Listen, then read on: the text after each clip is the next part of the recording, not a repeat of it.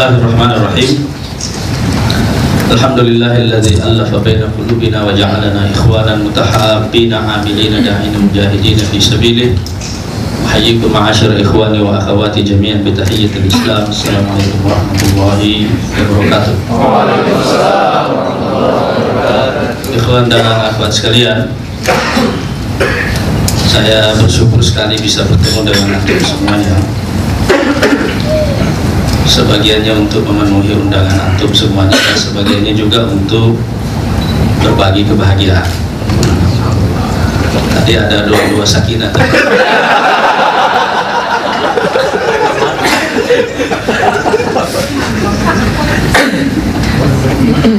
Kebetulan tahun nanti Februari uh, tahun ini saya akan memperingati ulang tahun ke-25 pernikahan.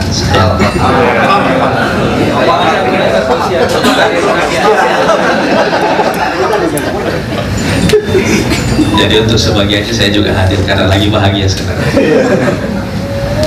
Ikhwan dan akhwat sekalian. Ada empat hal yang ingin saya sampaikan pada kesempatan ini.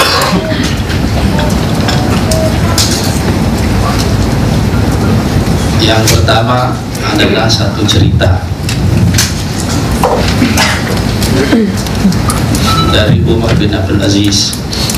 Pada saat pertama kali beliau menjadi khalifah menjelang pelantikan. Dan beberapa saat sebelum menghembuskan nafas yang terakhir. Jarak di antara dua kata ini adalah dua setengah tahun jarak di antara dua kata ini adalah dua setengah tahun. Begitu beliau akan dilantik sebagai khalifah beliau berbisik kepada salah seorang ulama besar di samping beliau yaitu Al-Imam Zuhri. Beliau mengatakan ini akhafun nar. Ini akhafun nar saya takut kepada neraka. Itulah kalimat pertama yang diucapkan beliau menjelang dilantik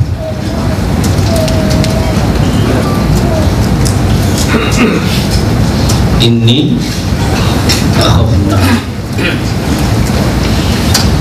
apa korelasinya antara kalimat itu dengan pencapaian orang dalam kepemimpinan ketika seseorang memulai debutnya sebagai pemimpin dengan mengucapkan ini akhafna saya takut kepada neraka. Itu artinya beliau memulai dari akhir. Bahwa akhir dari semua ini pada akhirnya adalah kematian. Dan hidup setelah kematian hanya mempunyai dua pilihan yaitu surga dan neraka makanya ulama-ulama kita mengatakan aqalun nasi atau al-aqilu anzarun nasi fil awaqib.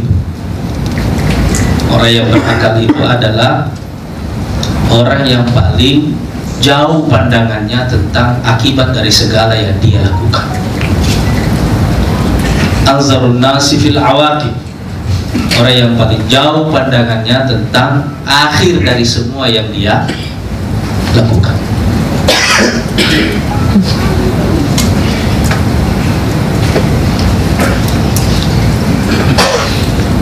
Itu seperti kita bertanya tentang muara di mana dari sungai di mana kita berenang.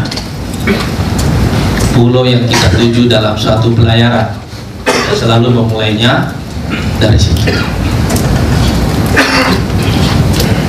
Tapi beliau memulainya tidak dengan bertanya atau berharap tentang surga. Beliau memulainya dengan menyatakan rasa takut kepada neraka.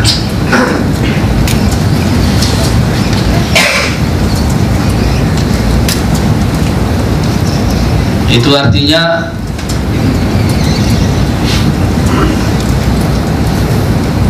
Orang boleh tidak membuat pencapaian, tetapi paling tidak tidak melakukan kesalahan.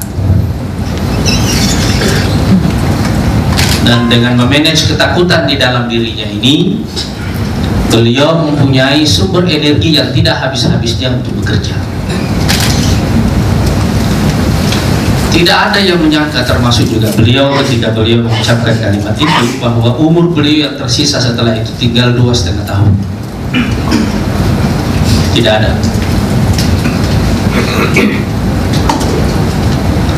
Karena beliau orang yang sangat bugar, sangat sehat. Para ahli sejarah menyebutkan orang kalau melihat batang leher beliau itu kelihatan ini orang yang terawat dengan baik beliau ini trendsetter dalam keluarga Umayyah dari kejauhan orang sudah tahu bahwa kalau yang datang itu Umar dari wangi parfum yang beliau pakai. Bahkan juga cara jalannya itu diikuti oleh orang-orang seistana. Dan juga orang-orang pada umumnya makanya jalannya itu disebut Al-Masyyal Umariyah. Ada jalannya. Dia trendsetter. Dan sekarang ketika dia ingin melakukan besar dia mesti memulainya dari dirinya sendiri bukan dari orang lain karena dia adalah bagian dari masa lalu Umayyah yang sedang ingin beliau rubah dan jika dia beliau ingin melakukan perubahan besar dari dalam langkah pertama yang harus beliau lakukan adalah merubah dirinya sendiri lalu keluarganya baru keluar ke istana. Itu sebabnya setelah keluar dari pelantikan itu yang pertama kali beliau lakukan adalah mengumpulkan seluruh keluarganya dan mengambil seluruh harta yang ada di dalam keluarganya itu untuk dikembalikan ke Baitul Mal. Satu persatu. Di sini kita mulai berubah bahkan beliau mengancam istrinya dengan mengatakan kalau kamu tidak ingin menyerahkan harta ini yang sudah saya berikan padamu itu kamu punya dua pilihan. Kamu ambil harta itu dan kita bercerai. Atau kamu bersama saya dan kamu kembalikan harta itu.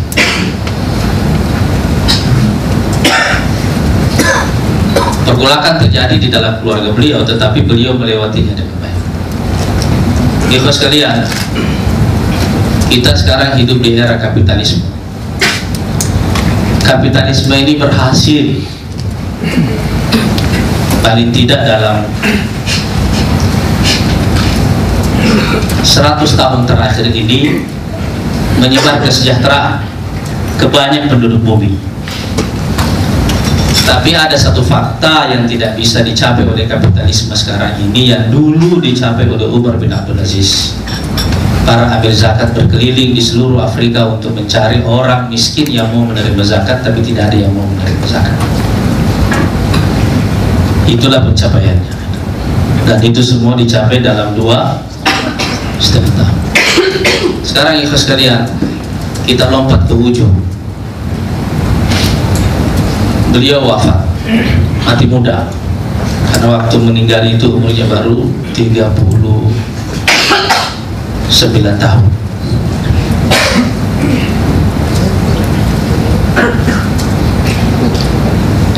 tiga puluh sembilan tahun. Sebelum beliau menghembuskan nafas yang terakhir beliau meminta istrinya yang menemani beliau terus di dalam kamar untuk keluar dari kamar. Dan dari luar orang-orang mendengarkan beliau mengucapkan satu ayat. Tilka darul akhirah. Itulah hari akhirat naj'aluha lilladzina la yuriduna 'uluwan fil ardi wala fasada yang kami siapkan untuk orang-orang yang tidak menginginkan keangkuhan di muka bumi. Tidak juga kerusakan. Wal aqibatu lil muttaqin. Dan ujung dari semuanya ini adalah kemenangan bagi orang-orang yang Ikhlas sekalian itu ayat ada di dalam surat Al-Qasas. Persis menyudahi cerita Quran setelah korun ditelan oleh bumi.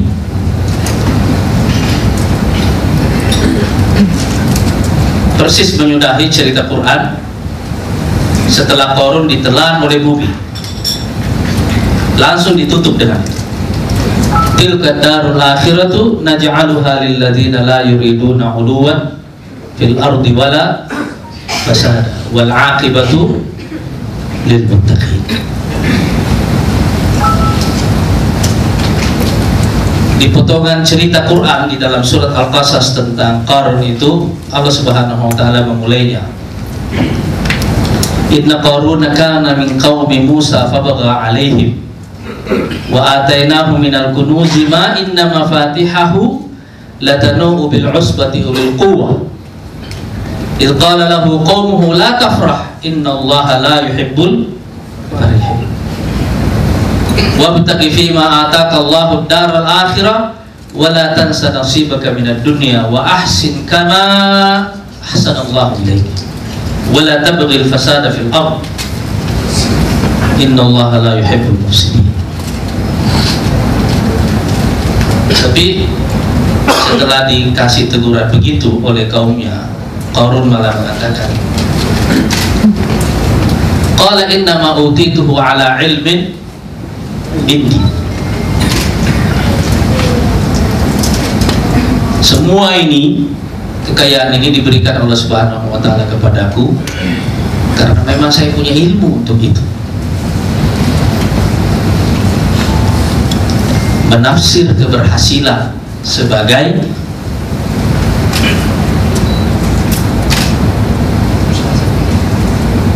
hasil dari kekuatan individu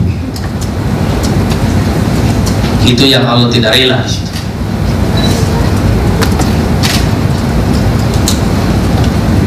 Awalam ya'lam anna Allah qad ahlaka min qablihi min al-quruni man huwa ashaddu minhu quwwatan wa aktsaru jam'a. Apa Qarun tidak tahu bahwa dulu ada banyak kaum yang jauh lebih kuat dari dia juga jauh lebih kaya sudah dihancurkan oleh Allah Subhanahu wa taala. Wala yusalu an dzunubihimul mujrimun. Fakharaja ala qaumihi fi zinati. Lalu dia keluar kepada kaumnya dengan gagah dengan seluruh perhiasan yang dia miliki. Tetapi di situlah puncak di mana dia ditenggelamkan. Nah, setelah peristiwa dia ditelan oleh bumi itu Allah menutup cerita itu dengan mengatakan tilka darul akhirah naj'aluha lil ladzina la yuriduna 'uluwan fil ardi wala fasada wal 'aqibatu lil muttaqin.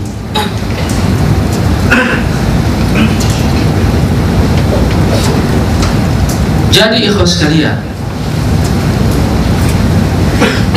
Sebuah masa jabatan yang dimulai dengan Inni akhaf nar Diakhiri dengan ayat Tilka darul akhiratu Naja'aluha lilladzina la yuriduna uluwan fil ardi wala fasada Apa maknanya itu sekalian Salah seorang sejarawan muslim modern Dr. Imaduddin Khalil menulis buku biografi tentang Umar bin Abdul Aziz yang diberi judul oleh beliau Malamihul Inqilabil Islami fi Ahdi Umar bin Abdul Aziz. Revolusi Islam di zaman Umar bin Abdul Aziz. Hampir 90 halaman dari buku itu dimulai dengan satu bab yang diberi judul Al-Munhanan Nafsi tikungan jiwa. Dari mana beliau mendapatkan sumber energi yang luar biasa untuk melakukan hal-hal besar seperti itu dalam waktu dua setengah tahun. Dan ternyata sumber energinya dari sini. Ketakutan pada neraka itu ikhwas kalian itu adalah sumber energi yang luar biasa. Itu yang akan membuat kita ini tidak akan bercanda dengan peran yang kita mainkan di dalam hidup kita. Tidak akan bermain-main dengan pilihan-pilihan yang kita putuskan untuk diri kita dan untuk orang lain.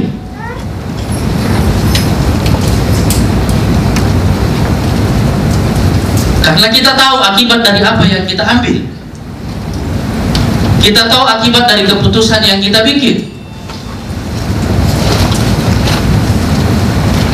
Dan makna dari ingatan kepada akhirat itu seluruhnya itulah yang melahirkan satu sumber energi besar yang kita sebut dengan ruhul mas'uliyah. Semangat pertanggungjawaban.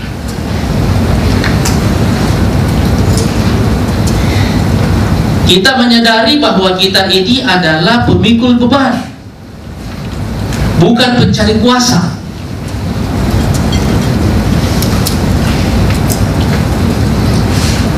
Bukan pemburu popularitas Tapi kita ini adalah pemikul beban. Karena sebesar apa beban yang kita pikul Sebesar itulah kelak tempat kita di akhirat. Wa in tatawallau Yastabdil qawman ghairakum kalau kalian berpaling Allah akan mendatangkan kaum yang lain yang akan memikul beban ini summa la yakunu amsalakum. Dan mereka tidak akan seperti kalian yang bermain-main dengan amanah. Wa in tatawallaw yastabdil qauman ghairakum summa la yakunu amsal.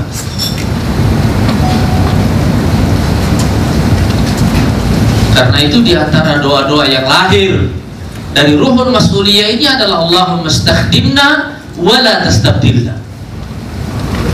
Karena Rasulullah SAW mengatakan Inna Allah idha ahabba abdan ista'amalahu. Allah kalau mencintai hambanya Allah akan menggunakan hambanya itu untuk kepentingan agamanya Nah ikhlas sekalian ruhul mas'uliyah semangat pertanggungjawaban yang membuat kita punya energi memikul beban itu kira-kira akan lahir dalam pernyataan-pernyataan pribadi sejenis ini. Abu Bakar Siddiq adalah satu-satunya sahabat yang terus-menerus ngotot untuk memerangi kaum Riddah. Ada alasannya secara syar'i.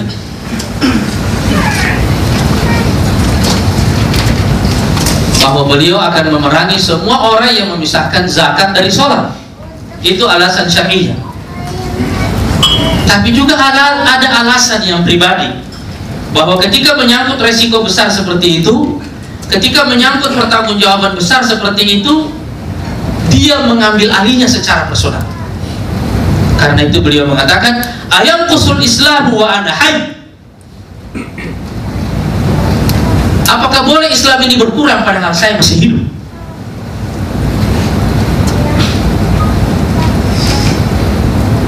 Dia mengambilnya secara personal.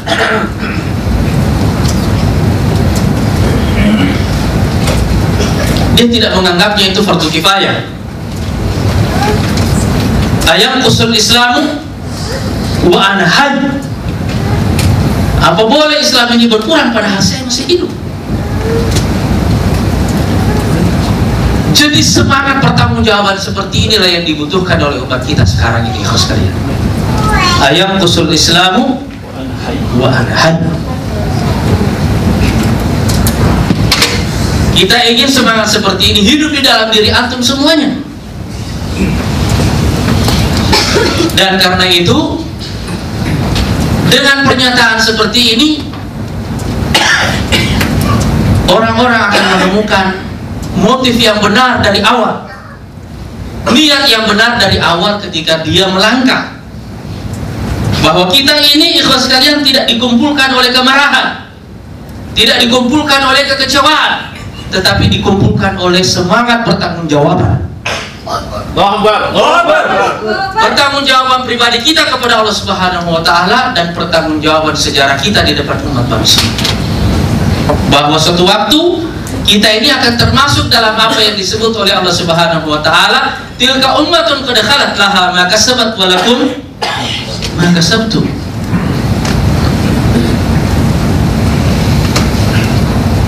Semangat pertanggungjawaban seperti ini kita ambil secara pribadi.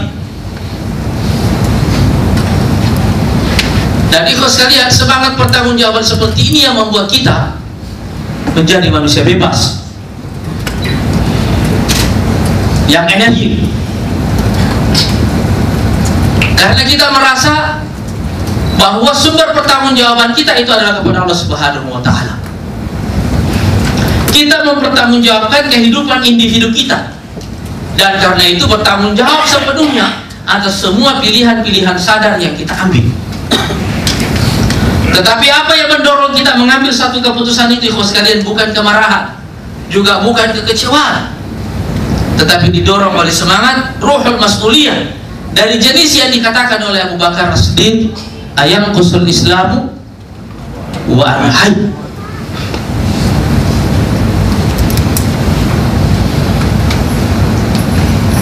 semua perkumpulan yang dimulai dari kemarahan tidak akan bertahan lama. Semua perkumpulan yang diawali dengan kekecewaan juga tidak akan bertahan lama. Kalau antum ingin berkumpul dalam waktu yang lama dan melakukan hal-hal besar di dalam hidup pastikan dari awal bahwa niat kita itu benar pastikan dari awal bahwa kita ini melakukan semua ini sebagai pertanggungjawaban kita kepada Allah Subhanahu wa taala. Dari jenis yang dikatakan oleh Abu Bakar ayam kusul islamu wa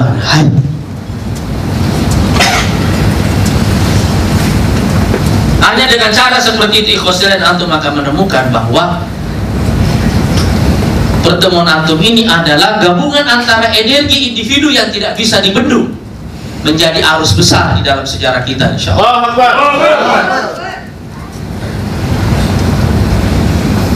itu poin yang pertama ya sekalian. Dan poin pertama ini mengantarkan kita kepada poin yang kedua